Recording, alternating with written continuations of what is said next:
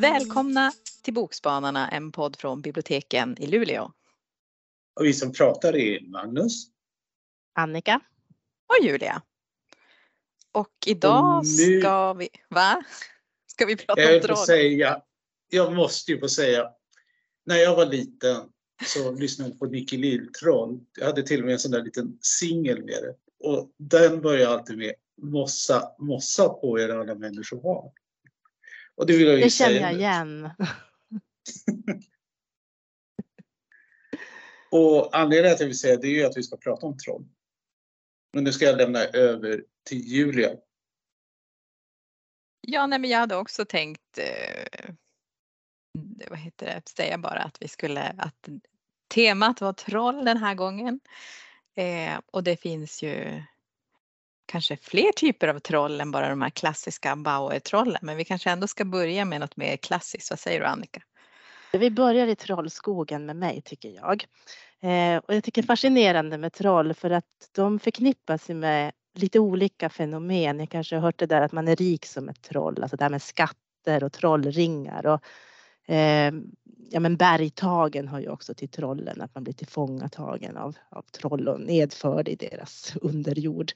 Eh, ett annat begrepp det är ju det här med bortbytingar. Och det här har jag läst några böcker på det här temat. Då. Och min första bok heter Djupbäckens Hildur skriven av Mia Jansson.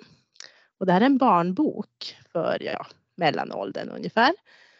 Och det har ju faktiskt kommit en del barnböcker på senare år som, som handlar mycket om eh, ja, men nordiska mytologiska väsen. Och den här då, den senaste bland de här, kan jag varmt rekommendera. För här är vi då i de liksom djupa skogarna där trollen bor. Och här träffar vi eh, en flicka som heter Hildur.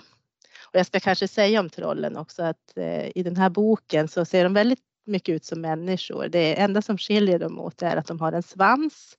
Eh, men den här svansen den visar de inte alltid. Så man kan egentligen inte se skillnad på, på människor och troll så där bara vid en första anblick.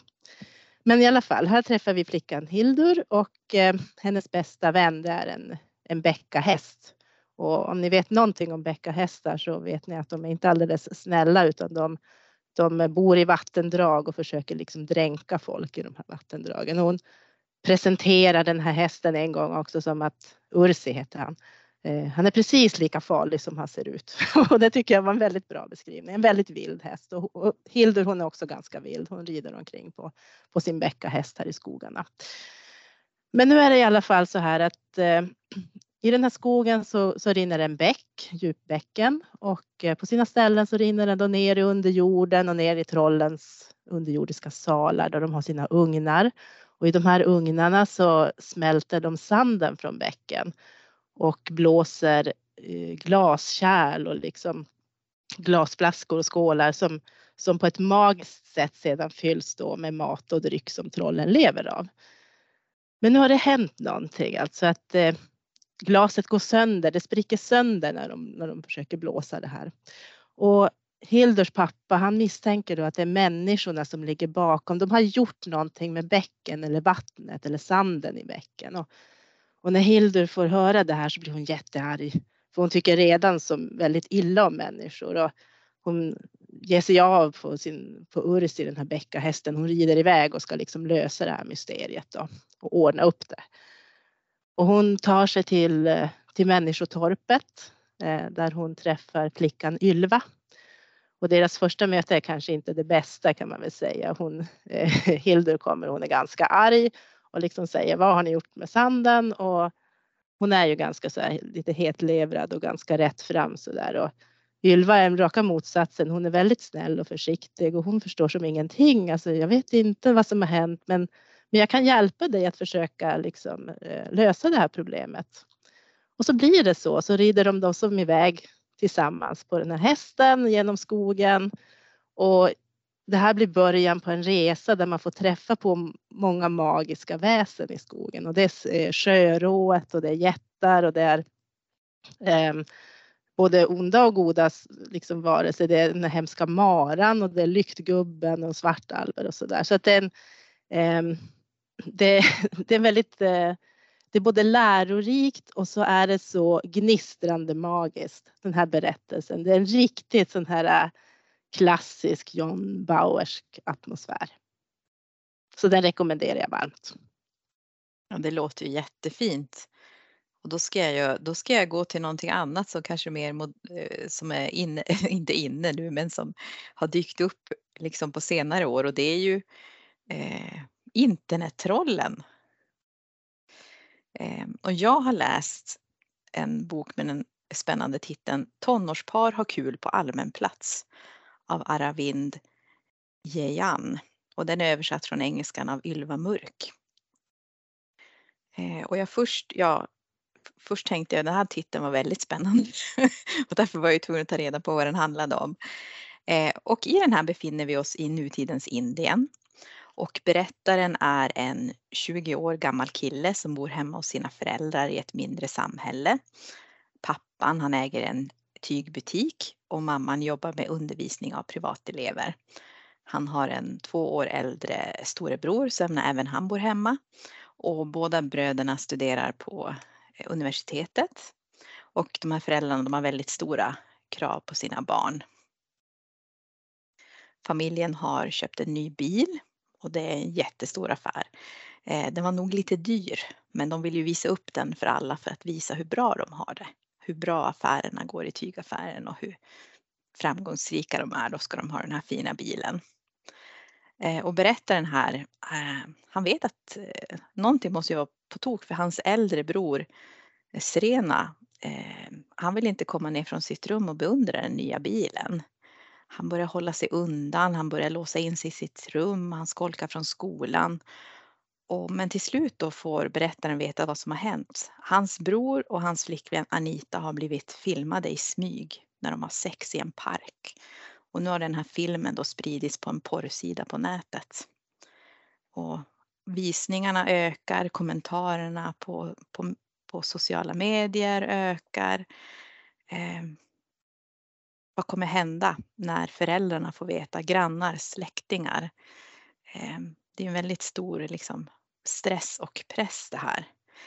Ehm, och det tar ju inte lång tid innan ryktet sprids och alla sett den. Och, eh, pojkarnas föräldrar vet inte vad de ska göra men den här konflikten blir så stor så de kastar ut sin son.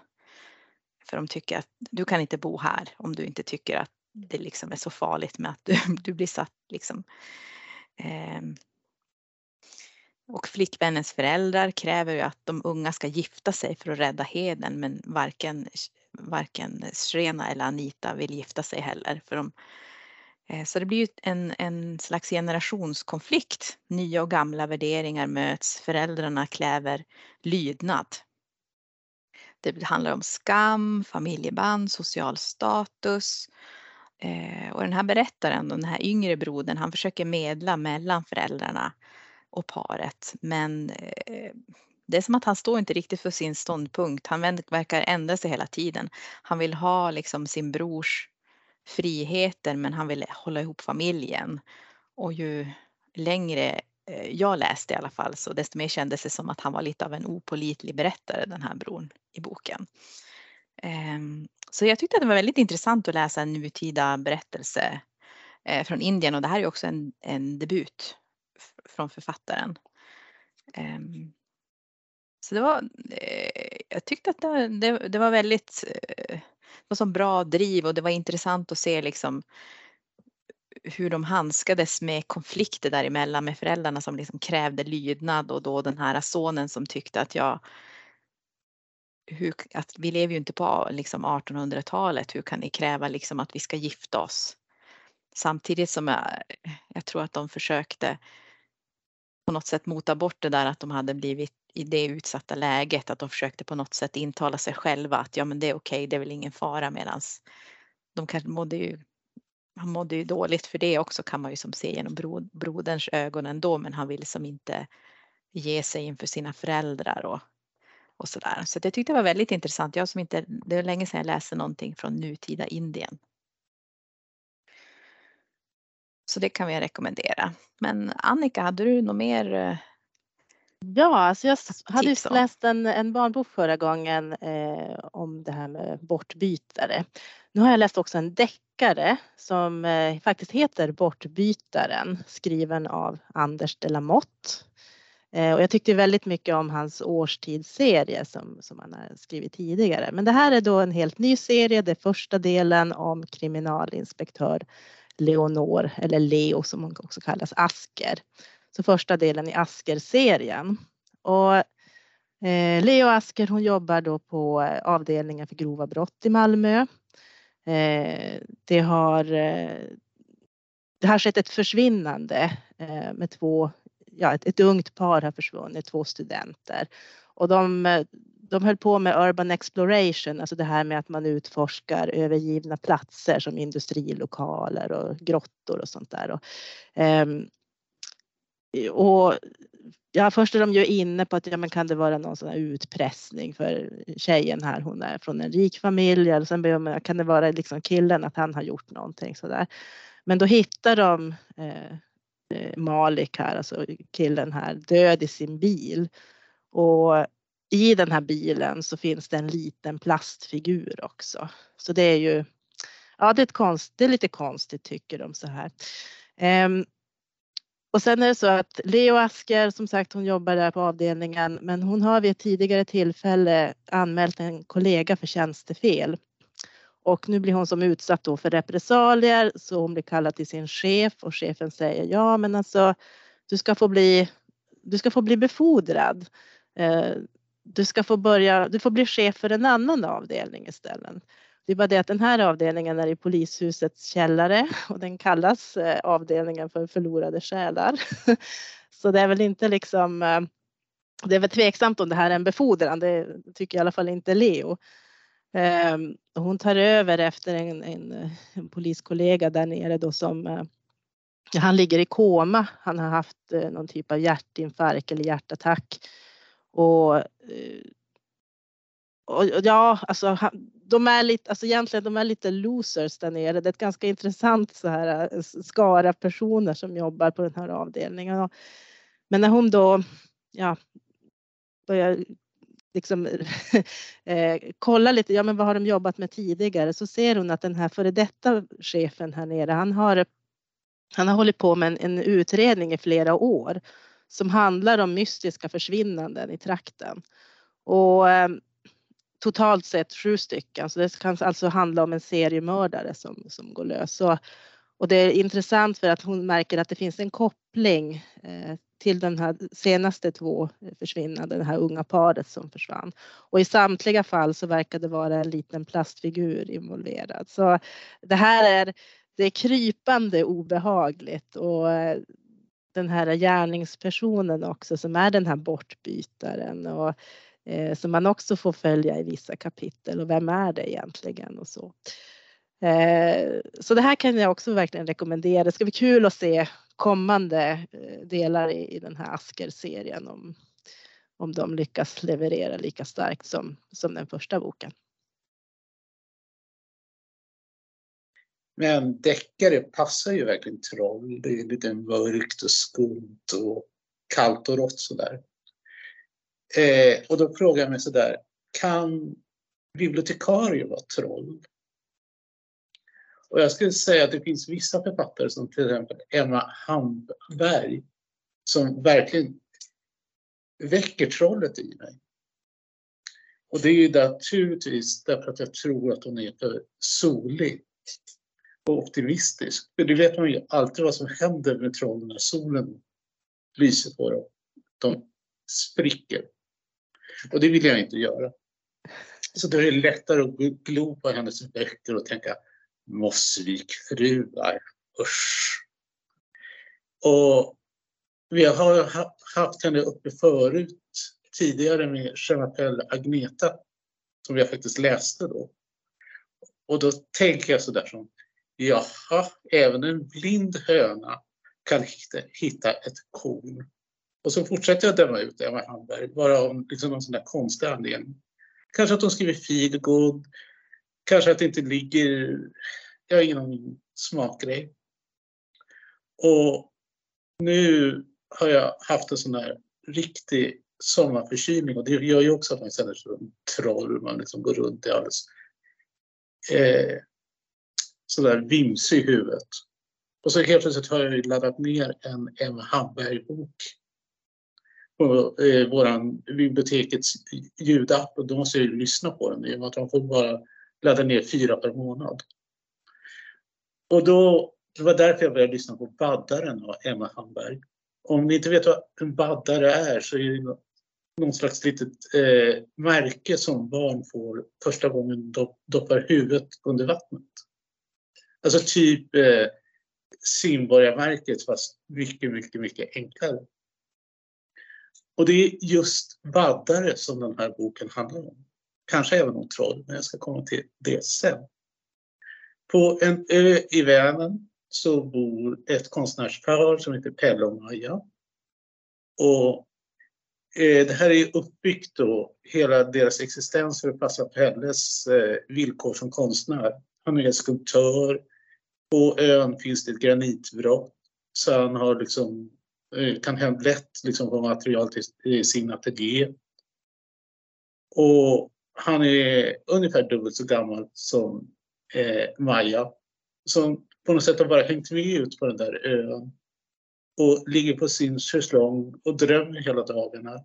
Och kommer aldrig igång med sitt liv. Alltså hon känner hur hon liksom bara blir tommare och tommare och tröttare och tröttare. Och så en dag så bestämmer hon sig att okej, okay, nu ska jag göra något. Jag startar en simskola för vuxna. Och lite absurt, men lite får man ju ta som läsare.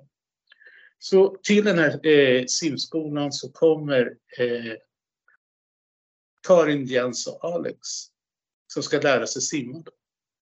Och även om då eh, Alex är 19 år, Karin är liksom en sån här framgångsrik eh, kulturjournalist och Jens, han uppfattar sig som väldigt ful och oälskad men han är också eh, en skicklig trädgårdsmästare.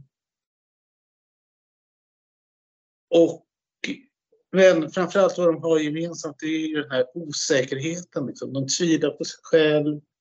Och tydligast är det med Karin då som trots att hon är framgångsrikt eh, yttre så är hon alkoholist. Hon har en dotter som hon har lyckats ansluta till. Och på något sätt så lyckas Emma Hamberg liksom visa liksom på de här svårigheterna och hur de här människorna, jag ska inte avslöja vad som händer, men på något sätt blir bättre. Och när jag känd, läste den här boken så kände jag sådär, det, det är ganska skönt faktiskt att läsa liksom en bok om de här sura, vresiga trollaktiga människorna som uppenbarligen inte klarar av vatten. Och det vet ju alla troll kan inte simma. Som ändå liksom klarar av det när solskenet kommer. Jag tyckte om det. Så jag, jag måste nog backa när det gäller min åsikt om... kanske inte är så dum ändå, Emma Hamberg. Ja.